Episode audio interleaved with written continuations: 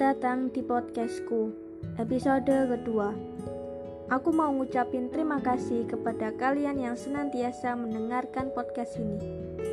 Episode kedua ini, aku ingin membahas tentang ada apa dengan cinta. Sebelum membahas, seperti biasa, aku selalu bilang, kalau kalian pengen dengerin, silahkan dengerin. Dan kalau kalian risih lihat snapku yang nyepam, silakan di skip aja nggak apa-apa uh, oke okay, aku akan jelasin ada apa dengan cinta Judul pada kata keempat tadi sepertinya sudah sangat tidak asing. Sebenarnya, hanya dengan melihat bentuk katanya saja sampai mual saya dibuatnya. bercanda, bercanda. Pada hakikatnya, semua orang ingin mendapatkan cinta suci yang tinggi nilainya. Namun, saat ditanya mengenai arti, berjuta definisinya.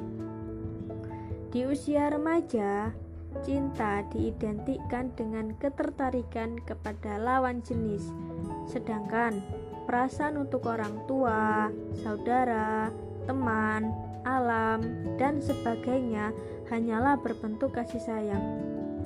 Padahal sebenarnya bukan begitu. Aku pernah mendengar suatu cerita dalam sebuah tausiah bahwa di kalangan sahabat Rasulullah antara sahabat yang satu dengan sahabat yang lainnya mengucapkan kalimat yang sering kali diselewengkan oleh khalayak umum terkhusus remaja. Seperti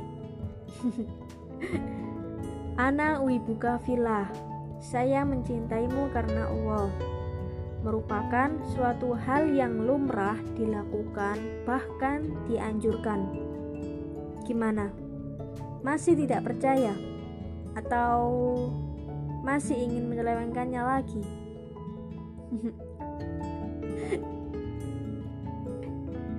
kan kita sudah tahu nih pengetahuan mengenai penggunaan kalimat yang sering kita salah fungsikan. Kini saatnya jeng-jeng. kita mengkaji tentang kata yang membuat orang hilang daya.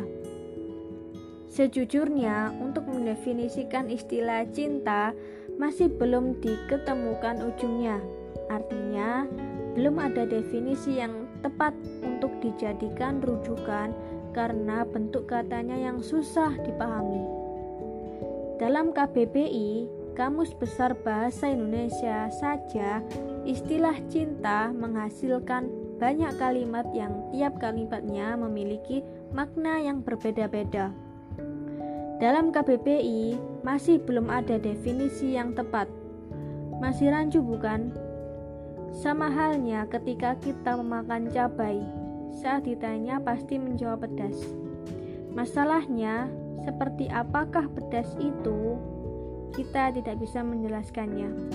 Kita akan tahu rasanya pedas jika kita memakannya.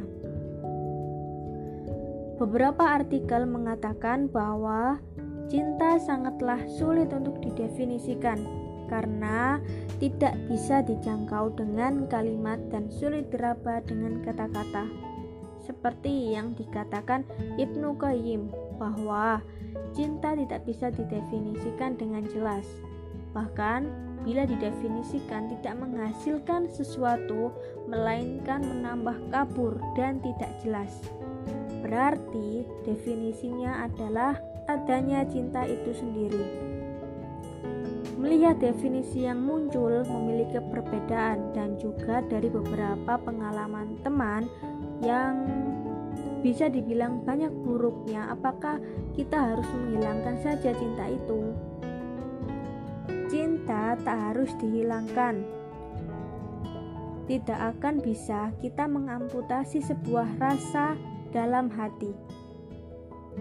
Rasa itu akan menjadi sebuah energi dahsyat dari dalam diri kalau kita dapat menguak dapat memaknai dengan benar.